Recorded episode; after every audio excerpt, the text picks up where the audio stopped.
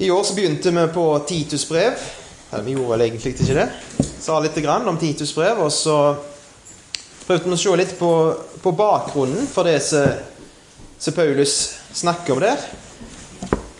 For, for meg så er det blitt et et uh, sentralt vers i det brevet, og det er det som står i kapittel 2 og vers uh, 11. For vers 11. For Guds nåde er åpenbart til frelse for alle mennesker.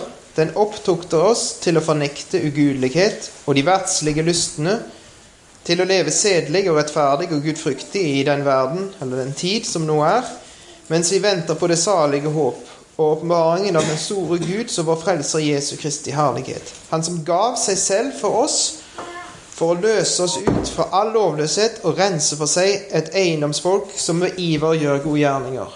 Eller som han Audun nettopp sa, som har lyst til gode gjerninger. Som gjør gode gjerninger for de har lyst til. Og de, de folket som dette eller det, de folket som Titus arbeider iblant, det var farlig dårlig materiale for den slags ting. Det står om de i, vers, i, i, i kapittel 1 at i vers, i vers 12 at en av dem, en profet av deres eget folk, har sagt kretere alltid løgnere, onde villdyr, dovne store etere. Dette vitnesbyrdet er sant. Det var skikkelig dårlig materiale i kreterne. Det var ikke noe godt utgangspunkt for å bli sånne folk som dette, som Jesus gav seg sjøl for at de skal bli. Og Da så vi litt på dette her med dette begrepet et eiendomsfolk som med iver gjør gode gjerninger. Og I 2. Mosebok 19 så, så vi at uh, Gud lovte Israels folk at de skulle være hans eiendomsfolk. Hans spesielle eiendom. Hvis de holdt pakten med han. Og så så vi i Jeremia 31 at det gjorde de ikke i det hele tatt. Og så lovte Gud at det skulle komme en ny pakt. En ny avtale mellom han og hans undersåtter. Mellom kongen og hans undersåtter. Jeg vet ikke om dere tenker sånn på det, men, men den der, det er ei tjukk rød bok som heter Norges lover. Jeg vet ikke om dere har studert den så nøye. Jeg har ikke det. Men den er egentlig skrevet eller lagd for at vi Stort sett, tror jeg iallfall. Utenom at noe er det sikkert skrevet for å plage oss. I fall så virker det så av og til. Så er mesteparten av den er skreven for at vi skal ha det godt i sammen. For at det forholdet mellom oss, vanlige folk, og de som styrer i dette landet her, skal være godt. Forholdet oss imellom skal være god, sånn at det blir godt å leve. Det er det som på en måte er hensikten med lover. Det gjør at det blir godt å leve i et rike. Og at han som i, i Guds rike så er det for at han som er kongen og kongenes konge, at han får viljen sin med, sine, med sitt folk, med sine undersåtter. Og denne pakten, denne avtalen Problemet med den første var at han var skrevet på steintavler. Han var skrevet i bøker, han var skrevet utenfor dem. Og så hadde de lyst til noe helt annet. De hadde ikke lyst til Guds lover. Akkurat som vi ikke har lyst når vi kjører inn på en flott, fine vei, og så står det 50 på skiltet. Så har vi ikke lyst til å kjøre 50 i det hele tatt. Og de hadde ikke lyst å helle Guds lov. De trodde ikke de var gode. De trodde ikke på Guds lover. Og så sier Gud at jeg skal komme med en ny avtale. Og den skal ikke være basert på dere. Den skal være basert på meg. Jeg vil, jeg vil, jeg vil. Og jeg skal skrive lovene mine i tankene deres og i hjertene deres. Sånn at det skal bli noen som med iver, med glede, med lyst og begeistring gjør gode gjerninger. Og det er det som jeg tror er temaet for denne her boka her, eller dette brevet her. Hvordan skal Titus jobbe? Hvordan skal han arbeide? Han har noen Hvis vi ser på en måte på, på Paulus sitt liv Hvis vi antar at Paulus kom ut igjen av fangenskapet i Roma i år 62, og så døde han i 67 og så må Paulus, så langt jeg kan se, så må Paulus ha vært på Kreta etter år 62. Altså i løpet av de fem åra så må Paulus ha vært på Kreta. Så det var rett etterpå, da, bare for å gi Titus litt tid her. Da var det fem år ifra de var der, til vi finner Titus i 2. Timoteus så finner vi ut at Titus reiste til Dalmatia, det er den nåværende Kroatia, for å arbeide der. Så i løpet av de maks fem år, kanskje maks fire år, så hadde Titus et oppdrag han skulle utføre på Kreta. Og det er ikke lite. For han skulle ta sånne folk som vi leste om, og så skulle han iblant de, da, de som var alltid løgnere, onde villdyr, dovne storhetere osv., så, videre, så skulle han innsette eldste i hver by. Og de eldste blir beskrevne med helt andre karaktertrekk enn alltid løgnere, onde villdyr og dovne storheter, heldigvis. Det var ikke sånne folk han skulle finne. Og hvordan skulle han komme der til? Og det tror jeg er litt av poenget. Og Hvis vi skal ta en, en grov inndeling av dette brevet her, så begynner det med en, en, en hilsing fra Paulus fra vers 1 til, til 4 i kapittel 1. Og så kommer på en måte oppdraget, målsettingen, for Titus sitt arbeid fra vers 5 til, til 9. Og så kommer begrunnelsen for dette. Fra vers 10 til, til Jeg har skrevet som tynne skrifter, jeg kan ikke lese det. 10 til 16. Og så fra kapittel 2, og vers 1, så kommer det et langt avsnitt så langt jeg kan se, da, med arbeidsmåten, måten han skulle jobbe på, og hvilke ressurser som var til rådighet for han for å oppnå dette målet. Og så kommer det en hilsen til slutt fra kapittel 3 og vers 13. Skal vi begynne med, med begynnelsen? Paulus, Guds tjener, og Jesu Kristi apostel til å føre Guds utvalgte til tro og til å kjenne den sannhet som hører til Guds frukt, i håp om evig liv. Det har Gud, som ikke kan lyve, gitt løfte om fra evighet av. Og nå, til fastsatt tid, har Han åpenbart sitt ord i den forkynnelsen som er betrodd meg etter befaling fra Gud, vår frelser. Til Titus, min ekte sønn, i vår felles tro. Nåde og fred fra Gud, vår Far, og Kristus Jesus, vår frelser. Paulus kunne jo begynt brevene sine med Hei, Titus.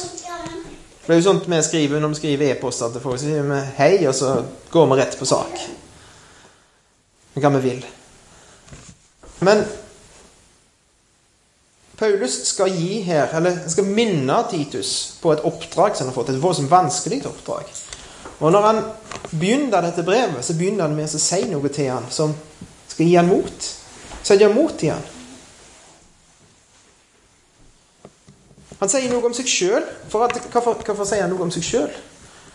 Jo, for at det er han som har gitt Titus dette oppdraget. Det er på en måte hans representant. Apostelen Paulus sin representant Titus er i denne menigheten.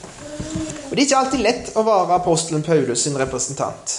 Ikke i Norge heller. I dag er det lett å være apostelen Paulus sin representant. For Paulus er ikke alltid like populær. Det som han skrev og sa om forskjellige ting, det er Ja.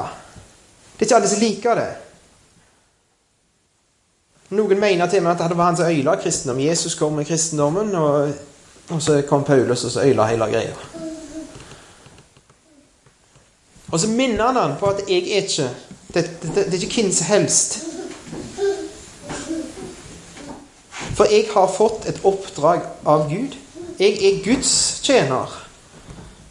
Og dette er ikke skrøyt. Det er bare fakta. Gud hadde valgt ut Paulus for å være hans tjener. Og Gud hadde gjort det sånn at han skulle være Jesu Kristi utsending, apostel. Han var sendt ut av Jesus med hans autoritet. Og med et oppdrag om enten, sånn som det står i den oversettelsen, å føre Guds utvalgte til tro og til å kjenne den sannheten som hører, hører til Guds frukt, eller som står i, i andre oversettelser, f.eks. English Standard Version. Kristi apostel for de utvalgtes tros skyld og deres kunnskap om den sannhet som hører til Guds frykt. Da handler det ikke bare om å føre noen til tru. Første gangen, på en måte. altså De skal, de skal begynne å tru. Men Paulus arbeider på trua deres. Ikke bare på starten, men hele livet deres. At deres tru skulle bli sterke, deres tillit til Gud, deres innstilling til Gud skulle bli sterke. Det de trodde, skulle bli sterkt. Og de skulle kjenne den sannheten og du, så hører til Guds frukt. Og det, det, er, sånn, det er ikke sånn at, at du, du, lærer alt som står i denne her boka her på fem minutter. Det tar et liv, det. Altså, føler du at du har skrapt i overflaten i Guds ord. Og det å kjenne Gud er det noe tidspunkt der du på en måte blir, blir lei av å finne ut at Nei, nå må vi finne noe annet å drive med. Nå har jeg kommet til bunns i Gud. Du kommer aldri der. Det er alltid mer i Gud. Og det er det som er det evige livet. Johannes 17, vers 3. Dette er det evige livet. At de kjenner deg og han du utsendte, Jesus Kristus. Det som er innholdet, livsinnholdet, det som skal gjøre det godt å leve det evige livet, det er å kjenne Han. Her kjenner vi en som vi ikke ser. Det er usynlige ting som vi trenger Den hellige ånds hjelp for å få åpna noen indre øyne som vi ser, men som et håp for alt det vi kjenner og vet om Han nå, det peker fram imot noe der, der framme når vi skal se Han sånn som Han er. Når vi skal være i lag med Han i all evighet. Når Guds bolig skal være iblant menneskene. Det er det vi håper på. Det er det vi lengter etter. Og så har Gud, som ikke kan lyge Og det er jo godt, tror jeg, for Timoteus. For at hvis De kreterne de er alltid løgnere. Det er det sånne folk han skal ha med å gjøre. De er ikke til å stole på kreterne i det hele tatt. Han ber dem om å gjøre noe, så gjør de det ikke. Så sier de noe til ham, så er det ikke sant. De sier ting bare for at det, for at det, det passer dem i den situasjonen. For å unngå ubehageligheter eller for å få fordeler til seg sjøl, så sier de ting som ikke er sanne. Men Gud, han Gud som han har med å gjøre, han kan ikke lyge. Det er ikke i hans natur. Det, det fins det ikke i hans natur å kunne lyge. Og han har lovt ifra evighet av at han skal føre oss, sine utvalgte, inn i dette evige livet. Og da er spørsmålet hvem i verden lovte han det til fra evighet av? Det må jo være før Bibelen ble skrevet, og før Adam ble skapt, og før Kanskje det var sin sønn han lovte. Du skal få noen, du. Du skal ikke være bare min enbårne sønn. Du skal få brødre. Og han for, for, sin egen del han skal ikke være den, bare den første Han skal ikke være den enbårne bare, men den førstefødte blant mange brødre. Og det, det er en som har bestemt det fra evighet av at det, målet hans skal nås. Og så har han nå, sier Paulus, til fastsatt tid åpenbart det. I det ordet som jeg har fått betrodd. Og det som du, Titus, skal bringe videre, det er faktisk noe som Gud har planlagt fra evighet av. Det er Guds ord. Gud har befalt det.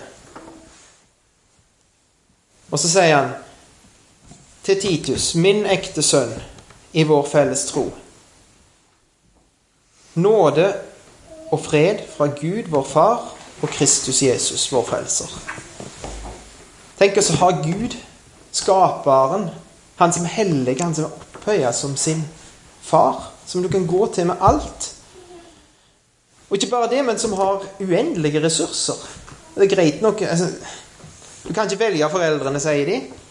Du kan ikke noe for at du har fattige foreldre. Du kan noe for at du har fattige svigerforeldre. Det er kanskje noen her som kan ta seg til hjertet. Men du kan ikke noe for foreldrene dine. Men her er det en far som ikke er fattig. Som kan tilfredsstille alle behov, som en kan gå til med alt, og så gir han aldri opporenda. Han mangler aldri det som trengs for å løse de problemene. Og så er det en som heter Jesus Kristus. Den salvede kongen, vår frelser. Han som berger oss. Seierherren. Han som vant seier. Han som berger oss. Det er på de sida, Titus. Du er ikke alene på Kreta. Selv om du føler det sånn av og til. Det er utgangspunktet. Og så sier han i vers, i vers 5 Jeg lot deg bli igjen på Kreta for at du skulle ordne det som ennå sto igjen, og innsette eldste i hver by, slik jeg påla deg. Altså, det var noe som gjensto. Og som jeg sa i år, så har det vært noe som har, har gitt meg trøst, det som står der. For hvis vi, hvis vi går til apostelgjerningene, kapittel 14, vers 23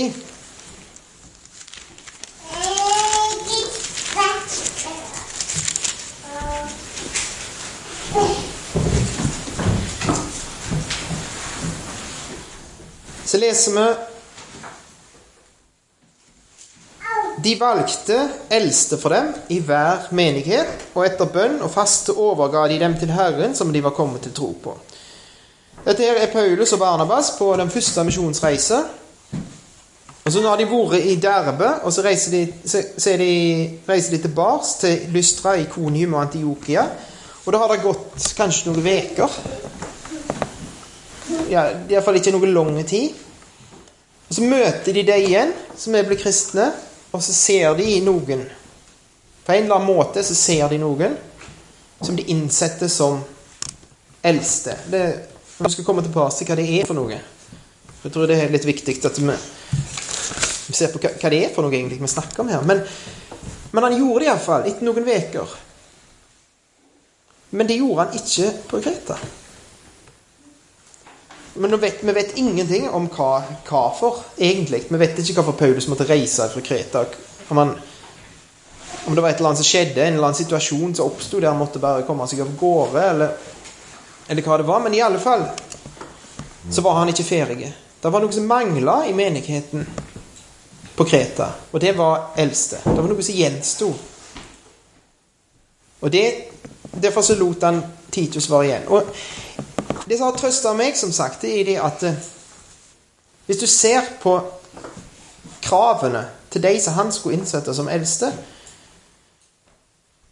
så er det ikke så løye at det tok litt tid på Kreta.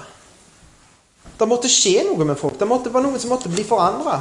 Det var noen som, som, hadde levd et liv som gikk i en helt annen retning. Som hadde sett dype spor i deres tankegang og deres kultur som de bodde i. Og så måtte de bli forandra. Og det tok tid.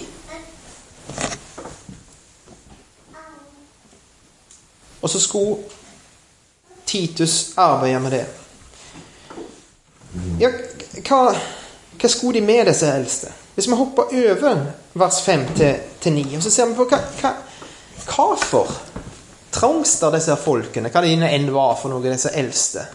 Hvorfor var det behov for at han skulle innsette noen spesielle folk her i denne menigheten, eller i disse menighetene i hver by på Kreta? Hva, hva, var, hva var, behovet? Og Da ser vi fra vers 10 at det, det er noen, det var noen som jobba. Det var ikke bare Titus som jobba på, på Kreta. Det var noen andre også som jobba. Og de var gjenstridige. Det var noen som ikke var lydige imot Guds ord. Som gikk sine egne veier. Som sa Jo da, det står, står det, men det er for en annen tid. Eller det er et ideale. Eller det er noe i tillegg. For det var noen her, står der, som, som var blant de av omskjærelsen. Altså som var, enten var assosierte med, med, jøder, eller som var jøder sjøl. Som kom med tomt snakk og førte folk vilt. Altså, de var forbilder. De gikk, gikk føre folk. Akkurat som vi skal komme til å lese at andre skal være, så var det jo forbilder. Men de som fulgte etter dem, de gikk seg vilt. For de var ikke så gode så de gav seg ut for å være disse her. Og disse må, må det stoppes munn på, sier Paulus, for at de, de fører ulukka over hele familier. Med å undervise om noe som de ikke bør undervise om. Og hvorfor gjør de dette? her? Hva har de tjena på det? Jo, det er akkurat det de tenker. Hva har jeg tjena på dette? Jo, jeg kan få noen etterfølgere. Og så kan de støtte meg økonomisk. Er det sånn i dag? Noen som er ute etter å tjene penger på Guds folk. Og så forkynner de ting som ikke er helt sånn som det står i Bibelen. Men som gjerne er ganske spennende. Og lover fantastiske ting. Og så trekker de folk etter seg, og så blir det tok lommebok. Penger til stort hus og flotte bil og sånt. Det, det er jo litt det Noe av det mannfolk er interessert i, det, egentlig. Penger. Men det er en annen sort vinning òg, som, som mannfolk òg er kjente for å være interessert i. Og det er makt. Du trenger ikke bli rik. Du trenger ikke ville bli rik økonomisk, men du vil ha makt over andre mennesker. Du vil at de skal være dine. Dine folk. Han ser opp til deg og hører på hvert ord du sier. Og da må du jo skille deg litt ut. Du kan ikke helt komme med det helt vanlige da heller. Og så dikter de opp ting. Og så er det en ting til òg, som vi finner andre plasser i Det nye testamentet. Det er noen som gjør det for at de er interessert i kvinnfolk, rett og slett. Det er jo ei kjent drivkraft i mannfolk sitt liv. De får dratt noen etter seg som de kan utnytte. Svake sjeler som de kan utnytte for å tilfredsstille sine egne lyster. Vinning for seg sjøl var det de var interessert i. Og den kaller han for ussel eller skjeten vinning, Paulus. Det, det, det, det, han er ikke fin i målet her, Paulus, syns jeg, når han snakker til dem. Ussel vinning. Og det ser folket her De appellerte til det verste i kreterne. For kreterne, de var alltid løgnere. Altså, Du kunne ikke stole på et ord av det de sa. Og det virker som at de som er den sorten sjøl, de blir også tiltrukket av andre som er av samme slag. Løgnere har et godt marked iblant folk som ikke er så interessert i sannhet. Sannhet er ikke viktig for dem. Det som er viktig for kreterne, det er å si det som passer, det som, det som tjener deg. Vinning. Det er jo er derfor vi lyver, er det ikke det? For at sannheten er ikke bra for oss, tror vi. Og så sier vi noe som ikke er sant. For det, det vet vi det, da kommer det til å bli bedre. Enten sånne hvite løgner som kaller det når vi har gjort noe som ikke bør, og så vil vi ikke at folk skal vite om det. Eller at vi lyver for å bedra folk. Og så var de Det var ikke gode folk å ha med å gjøre heller. De var onde villdyr. Så jeg sier jo nesten sjøl hva det var. De kunne gå løs på deg og rive deg i fillebiter. Ikke fysisk, men på andre måter. Med måten de snakket om deg på. De gå til angrep. Og så var det en ting som var voldsomt interessant for dem. Det var deres egen mage. Tilfredsstillelse av de grunnleggende lystene våre. God og mette og ha alt det som Hvis dere har sett denne Maslows behovspyramide, så var de ganske langt nede i den. Det var det de var interessert i. Og så kom det noen, og så fortalte de dem om ting, nemlig jødiske eventyr. Altså som tilleggsfortellinger til Bibelen. Jeg vet ikke om eventyr er det samme som sannhet. De pleier ikke for det. Det er løgner, sant? Eventyr. Og bud av mennesker, ikke av Gud. Av mennesker som har snudd seg vekk ifra sannheten. for at løgnen var mer tiltrekkende. Hva slags bud var dette egentlig? Jo, det står i vers 15 alt er rent for de rene. Og Hvis vi leser andre plasser, så ser vi at mange av disse lærerne kommer med renhetsbud. De kommer med sånne ytre bud om hva som var bra og ikke bra å gjøre. Ytre handlinger som skulle gjøres. Jødiske skikker. Og det er egentlig ganske behagelig, det. Hvis du er ganske råten på innsida, så kan du gjøre noen ytre ting, sånn at du bygger opp en fin fasade. Noen renhetsbud som du kan holde. Noen ritualer som du gjør. noen ting som som du lar være å gjøre, så kan du si det at ja, men da er det bra med meg. Vi har ikke vært fri for det i Bedehus Norge, har vi det? Når definisjonen på en kristen til ikke-kristne ser, har, i mange plasser har blitt en som ikke banner og ikke drikker. Det har blitt definisjonen på en kristen. Før så var det òg å spille kort, gå på dans, gå på kino i tillegg. Det ble tatt vekk etter hvert. For Gud ombestemte seg, som en sa. Men, men det var ytre regler voldsomt lett å helle seg til. Og så du, kan du krysse av disse reglene, så sier du at 'nå er det bra med meg'. Og så kan hjertet være fullt av all slags lyster som er fullstendig pur verdslige du lever kun for denne verden, men du kan krysse av på alle ting. Jeg, jeg drikker ikke, jeg røyker ikke engang, jeg banner ikke. Så da er det greit. Så sier Paulus det er ikke det det handler om. Det handler ikke om ytre regler her. Det handler om Det handler ikke om, om, hva er rent, og hva er ikke er rent. Men det handler om er du ren, eller er du ikke? Hvordan er det på innsida? Hvordan ser det ut i hjertet ditt? Er det rent, eller er det ikke? Og for de som er rene, så er alt rent. For det de har lyst til. Hvis du er ren på innsida, hvis hjertet ditt og tankene dine er rene, så er det du har lyst på, det er godt. Du kan på en måte gjøre hva du vil, for det du vil, er godt. Misforstå meg rett. Du kan gjøre hva du vil hvis du er der. Men disse her, de er ureine i hjertet og tankene sine. Hvordan vet jeg det? Jo, for dem som er urene og vantro, er ingenting rent, men både deres sinn, altså det her oppe, det vi tenker med, tankegangen deres, og samvittigheten deres det her, sant? Det er der vi kjenner det.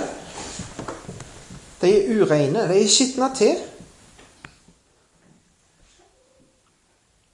Og så blir det de gjør, blir ureint.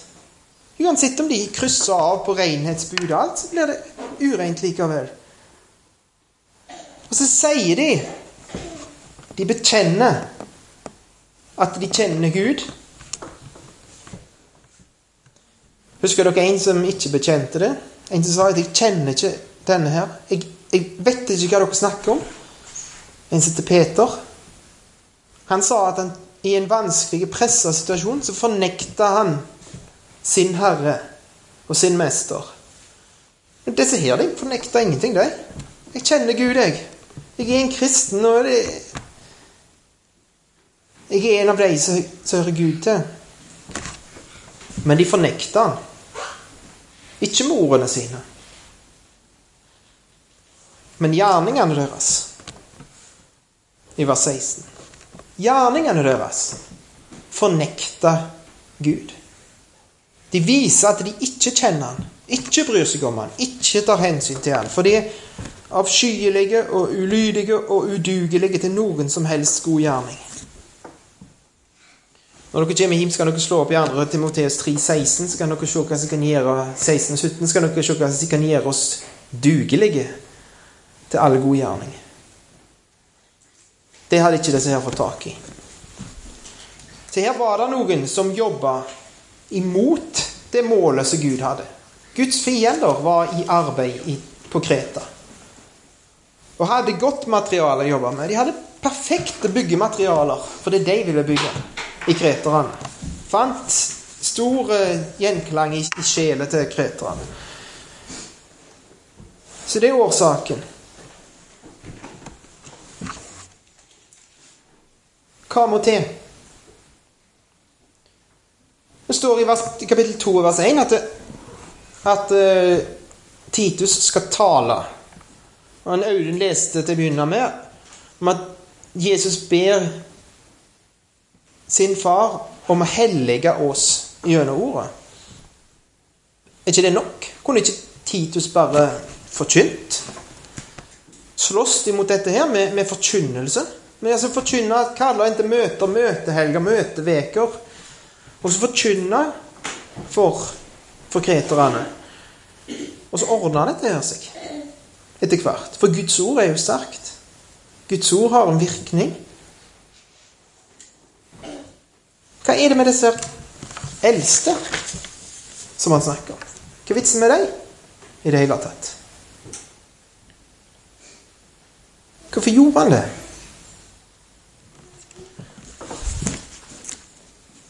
Nå skal vi lese det avsnittet. Nå kommer vi tilbake til kapittel 1 og vers, vers 5. Så leser vi det på ny. der. Jeg lot deg bli igjen på Kreta for at du skulle ordne det som ennå sto igjen, og innsette eldste i hver by, slik jeg påla deg. En eldste må være ulastelig. Han må være én kvinnes mann og ha troende barn som ikke har ord på seg for utskeielser eller oppsetsighet. For en tilsynsmann må være ulastelig som Guds husholder, ikke egenrådig, ikke bråsint, ikke drifeldig, ikke voldsom, ikke lysten etter ussel vinning. Han må være gjestfri, glad i det gode, sindig, rettferdig, hellig, avholdende. Han må holde fast ved det troverdige ord i samsvar med læren, slik at han kan være i stand til både å formane ut fra den sunne lære og å gjendrive dem som sier imot.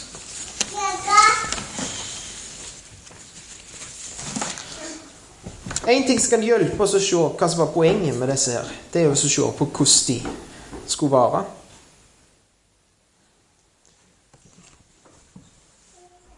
Ulastelig. Hva i verden betyr det? Og nå må jeg si noe, som, for dette er blitt sagt av folk som har lest dette her mange ganger. Det er blitt sagt at dette, er jo helt, dette må jo være et, et eller annet ideal som ligger høyt der oppe, som ingen i hele verden når opp til. For ulast, hvem er ulastelig, da? Hvem i all verden er det som ikke kan anklages for noen ting? Som aldri har gjort noe gale? Til syndfrie, nærmest. Greit nok, du kan lese ulastelig på den måten. Og Det ender du opp med at du kan bare stryke hele avsnittet og så si at dette her er noe som Jo, det står i Bibelen, men vi finner ikke noen praktisk anvendelse for det. Men da sier du samtidig at Titus han får ei, opp, liste nå skal du få et oppdrag, Titus. Du skal finne sånne folk som dette. Og dette er en mye verre plass, tror jeg, uten at jeg kjenner så voldsomt mye til Gjelvik. Så er dette den plassen Titus er det en verre plass enn her. Verre plass enn de fleste plasser. Så hvis det er umulig i Norge å finne sånne som dette, så må det iallfall være umulig å finne sånne folk der. Hva betyr ulastelig? Betyr det det at du aldri har gjort noe galt? Eller kan det bety noe annet? Jeg tror det at det betyr noe annet på grunn av det ellers funker ikke dette. Og vår utleggelse av Bibelen, den må funke. Men det må være sånn at det virker, at det går an å gjøre det. Hvis jeg har gjort noe gale Hvis jeg har sagt noe stygt om Jan Birger Virker denne? Hvis jeg har sagt noe stygt om Jan Birger Da er ikke jeg ulastelig, sant? Men hvis jeg har gjort opp det Hvis jeg har bedt Jan Birger om tilgivelse, og kanskje ofte jeg sa det offentlig, så har jeg sagt det offentlig òg. Jeg har ordnet opp for meg. Jeg har rydda opp. Er det da noe jeg kan klandres for? Og Det er sånne folk, tror jeg, Gud er ute etter. Ikke perfekte folk som aldri gjør noe gale, for de fins det ikke. Ikke engang Paulus var perfekte. Når han kom i bitter strid Det er vel eneste negative vi leser om han da, men det står en gang der i apostelgjerningene når det ble en bitter strid mellom han og Barnabas. Ikke, jeg syns iallfall ikke det er bra med bitter strid. Jeg tror ikke det. Det er meningen at vi skal synes det er bra, noen av oss. Men folk som ordner opp etter seg. Folk som ikke har like i lastet, som alle vet om. Som ikke kan anklages for noe. Det er det første kriteriet. Og så skal han være én kvinnes mann. Det kan bety at han ikke sånn, Noen plasser på den tida så var det folk som, som gift, hadde vært gifte med eller bare gifte med flere, altså flerkoneri. Det var jeg vet ikke så forferdelig vanlig. Men det var nok. Så kan det være det Paulus tenker på. At en, en som skal være en, en, eldste, han kan ikke ha flere koner. Med alle, alle intrigene som hører til det. Eller så kan det bety at uh, han ikke skal være skilte og gjengifte. Det er mulig. For det skaper all slags problemer. Det gjør det vanskelig å ha en tjeneste for Gud. Men det kan òg bety, som noen sier, at dette kan oversettes Ikke én kvinnes mann, men en enkvinnemann. Ikke en som bare er gift med ei kone. For det er sånn en enkel ting å krysse av på for de fleste som er gifte. Ja, de er gifte med ei kone. Men en enkvinnemann det er en mann som har bare ei kone i sitt liv. Det er ikke en pikenes Jens som flørter med alle og enhver. Og de fins i Guds rike. Og så når folk er livsfarlige og gir noen form for ledende stilling Et karaktertrekk. En enkvinnemann. Og jeg tror gjerne det er det det betyr. Og så står det noe om at han må ha troende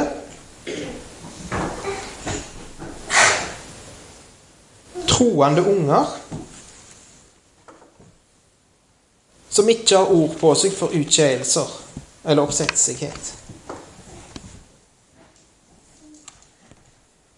Må en eldste ha unger? Det kan være. Det er sikkert en god skole å ha oppdratt noen unger før du, før du skal ta, ta, deg av Guds menighet. Men det står ikke det egentlig. Det er jo ikke det som står. Det står ikke at det må være gifte heller. Så vi i alle fall kan være helt sikre på at det betyr, det at hvis han har unger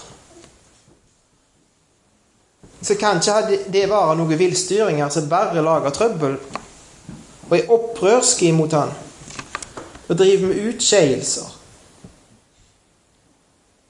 Og de må, alt etter hvordan du leser det og oversetter det, være troende. Eller iallfall så må de være trofaste eller troverdige unger. Det må være noen som heter til stole på, i alle fall. Og kanskje òg at de må være troende. At hvis de ikke er det, så er hans oppgave i himmelen med familien sin. Han er ikke ferdig der. I alle fall så skal det være i orden på hjemmebane. Og det òg har vi dårlig erfaring med i, i Guds rike. Med folk som, som har et kaos på hjemmebane. Så har de stått på plattformer og vært de store stjernene. Og så har folk gått og snakket om de Spesielt de som er på utsida, som ser alt dette. Det er ikke uvanlig.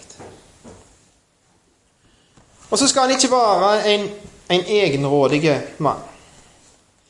I det, det, er jo ikke noe problem, det, med egenrådighet. Hvis at du har en sånn uh, modell for, for, forsamlingen der det er én mann som bestemmer alt. En diktator.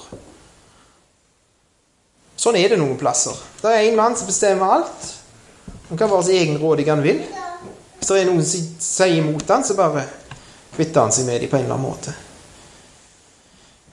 Hvis du leser om eldste i Det nye testamentet, så står det alltid om ei gruppe om et flertall. Og det er det kanskje en grunn til. Det skal være flere hurder i en menighet. Flere tilsynsmenn i en menighet. Og Da nytter det ikke med egenrådige folk som går sine egne veier uten å snakke med de andre. Bare gjøre det de, det de tenker og har lyst til. Det trengs folk som er villige til å høre på andre, villige til å la seg korrigere. Villige til å justere kursen. For de ser at de, de vet ikke alt, og kan ikke alt, og forstår ikke alt. Og Hvis du skal med folk å gjøre, vanskelige folk, sånn som kretere f.eks., og sikkert noen nordmenn òg, så er det en fordel å ikke være bråsinte. Ikke være hissige. Ikke være en som, som feirer opp for den minste ting og skjeller folk ut. Og hogger løs på folk. Men en tålmodig mann.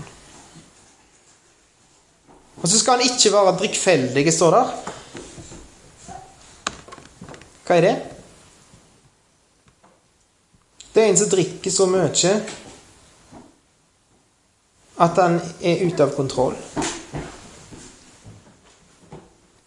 Drikk ikke drukne av vin, sier Paulus, for det fører til utskeielser.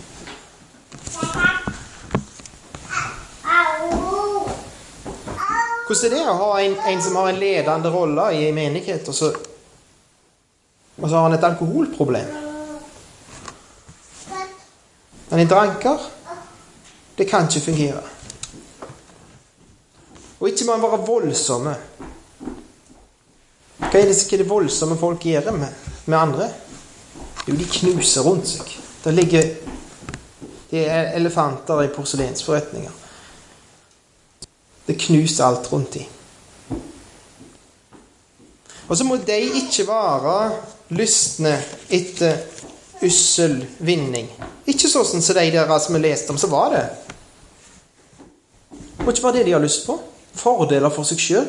Tenk om jeg kunne få blitt med i ledelsen i menigheten. Så skulle jeg så kunne jeg slutta i jobben min, og så kunne jeg bare holde på med det som jeg har lyst til. Og så kunne jeg fått makt. Sånne folk skal vi ikke ha. Og så må det være folk som er gjestfrie. Det ordet som blir sett med 'gjestfri' i biblene våre, det betyr egentlig noen som elsker fremmede. Det er ikke bare folk som inviterer vennene sine på besøk ofte. Og det er det mange som gjør. Men folk som elsker fremmede. Sånn som de ikke kjenner så godt. Sånn at ingen inviterer som åpner himen sin. Som gir avkall på den der freden og roen som vi har når at vi er bare oss sjøl. Liksom. Bare meg og familien. Det er også greit. Jeg syns iallfall det er også greit. Men noe som elsker fremmede, sånn at de åpner himmelen sin for dem. Noen som er glad i det gode. Elsker det gode. Elsker ikke bare fremmede, men de elsker det gode og gjøre godt. Det som er godt i andre mennesker sitt liv. Det er de glad i. Det, det viser de fram. Og så er de sindige. De har en sunne, sunt hode. De, de, de, er ikke sånn som lar seg rive med i all slags retninger. De, de tenker klart. Sindige folk. Så hodet er kaldt. Og så skal de være rettferdige, hellige og avholdende. Folk som ikke gjør forskjell på folk. Folk som er hellige, fromme. Som ikke driver med hva som helst i livet sitt. Hva betyr hellig egentlig? Nå er jeg ikke sikker på om det er det samme ordet 'hellig' som står her, som andre plasser, men, men hellig generelt, hva betyr det? Noen av dere har vitrineskap hjemme. Noen som har det? Der står det hellige kopper og tallerkener inni der. For de blir ikke brukt til hva som helst. De blir bare brukt når det er fint besøk, og ikke noen som blir aldri brukte. Skal det si om deg, eller om du besøker deres det sier noe om det, vet jeg ikke, men det blir nesten aldri tatt fram. Hellige ting blir ikke brukt til hva som helst.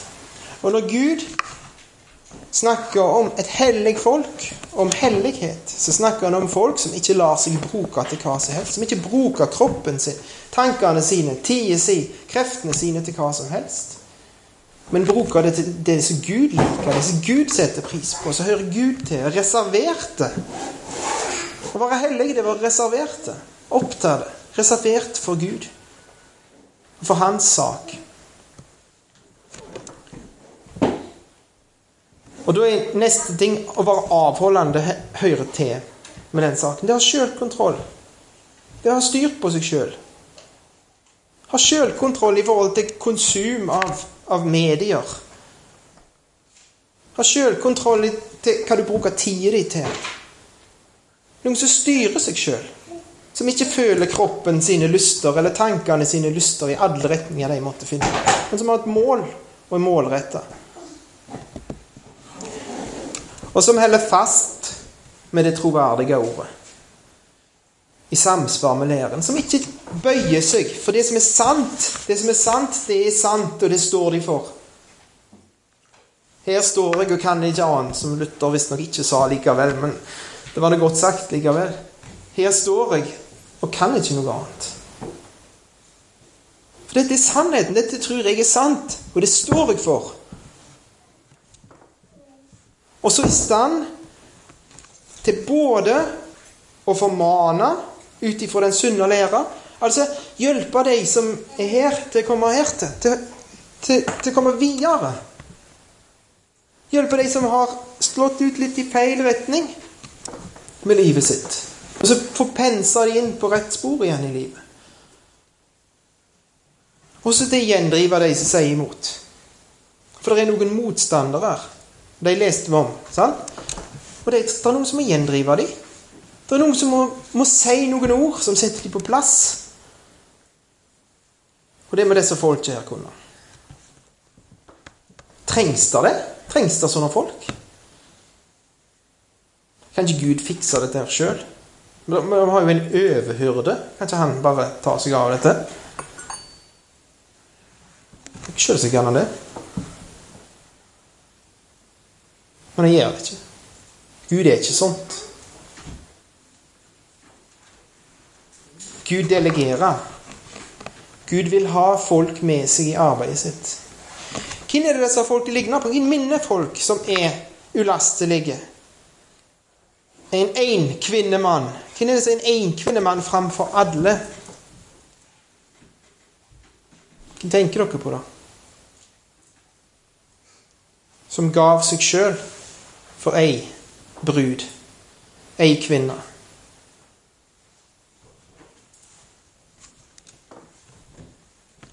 Hvem er det som er sånn som dette? Det er Jesus som er sånn som dette. Jesus Kristus minner dette om. Dette er folk der det har skjedd noe i livet deres. Der det er blitt skrevet noe på hjertene deres. Noen lover som er blitt skrevet, sånn at de er blitt forandra. De begynte å ligne på Jesus.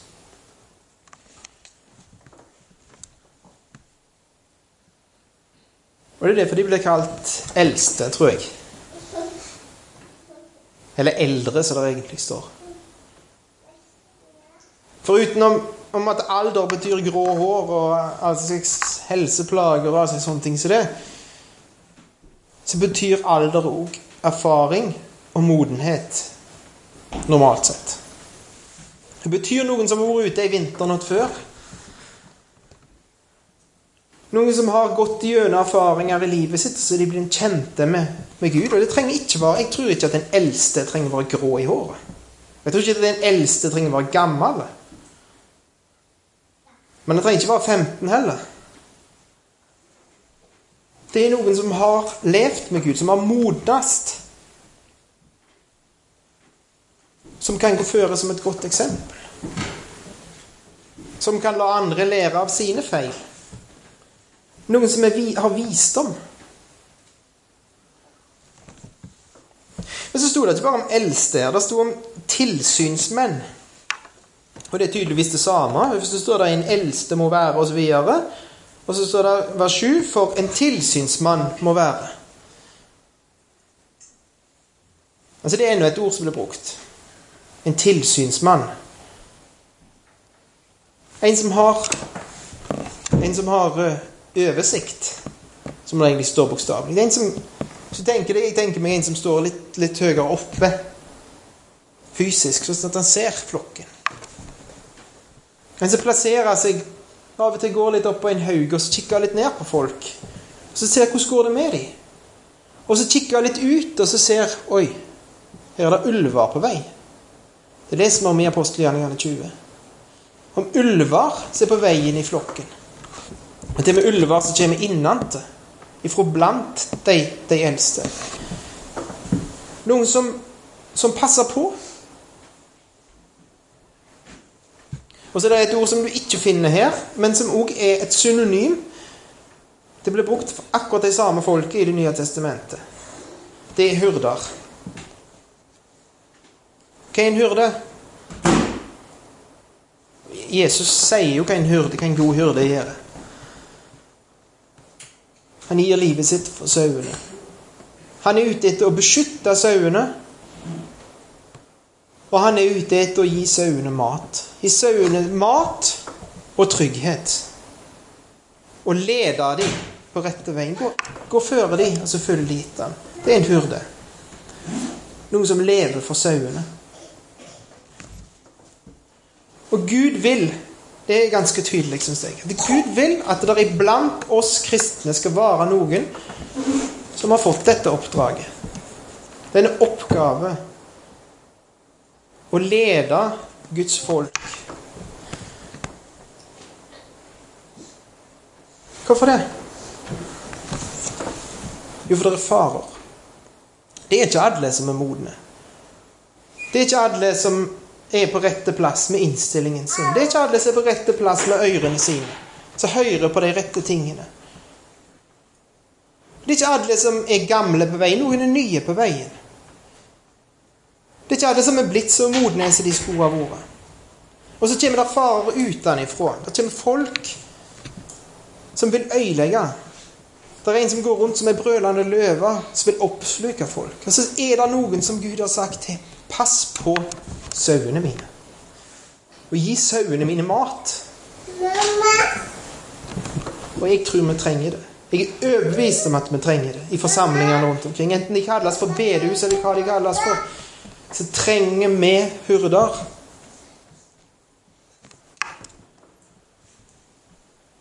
For det var noe som mangla, sier, sier, Paulus her. Det gjenstår noe på Kreta. Du må sette inn eldste i hver by til Titus.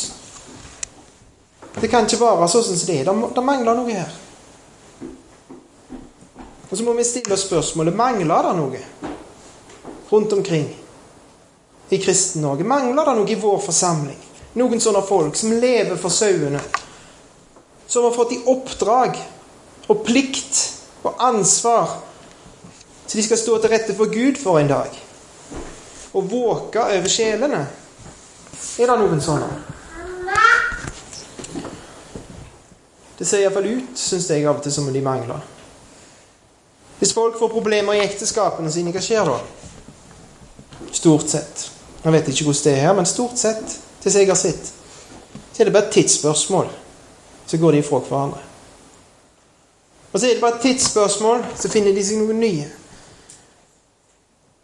Hvis det er tre ramler, så detter det og blir liggende der det, der det ramler. Det flytter ikke på seg.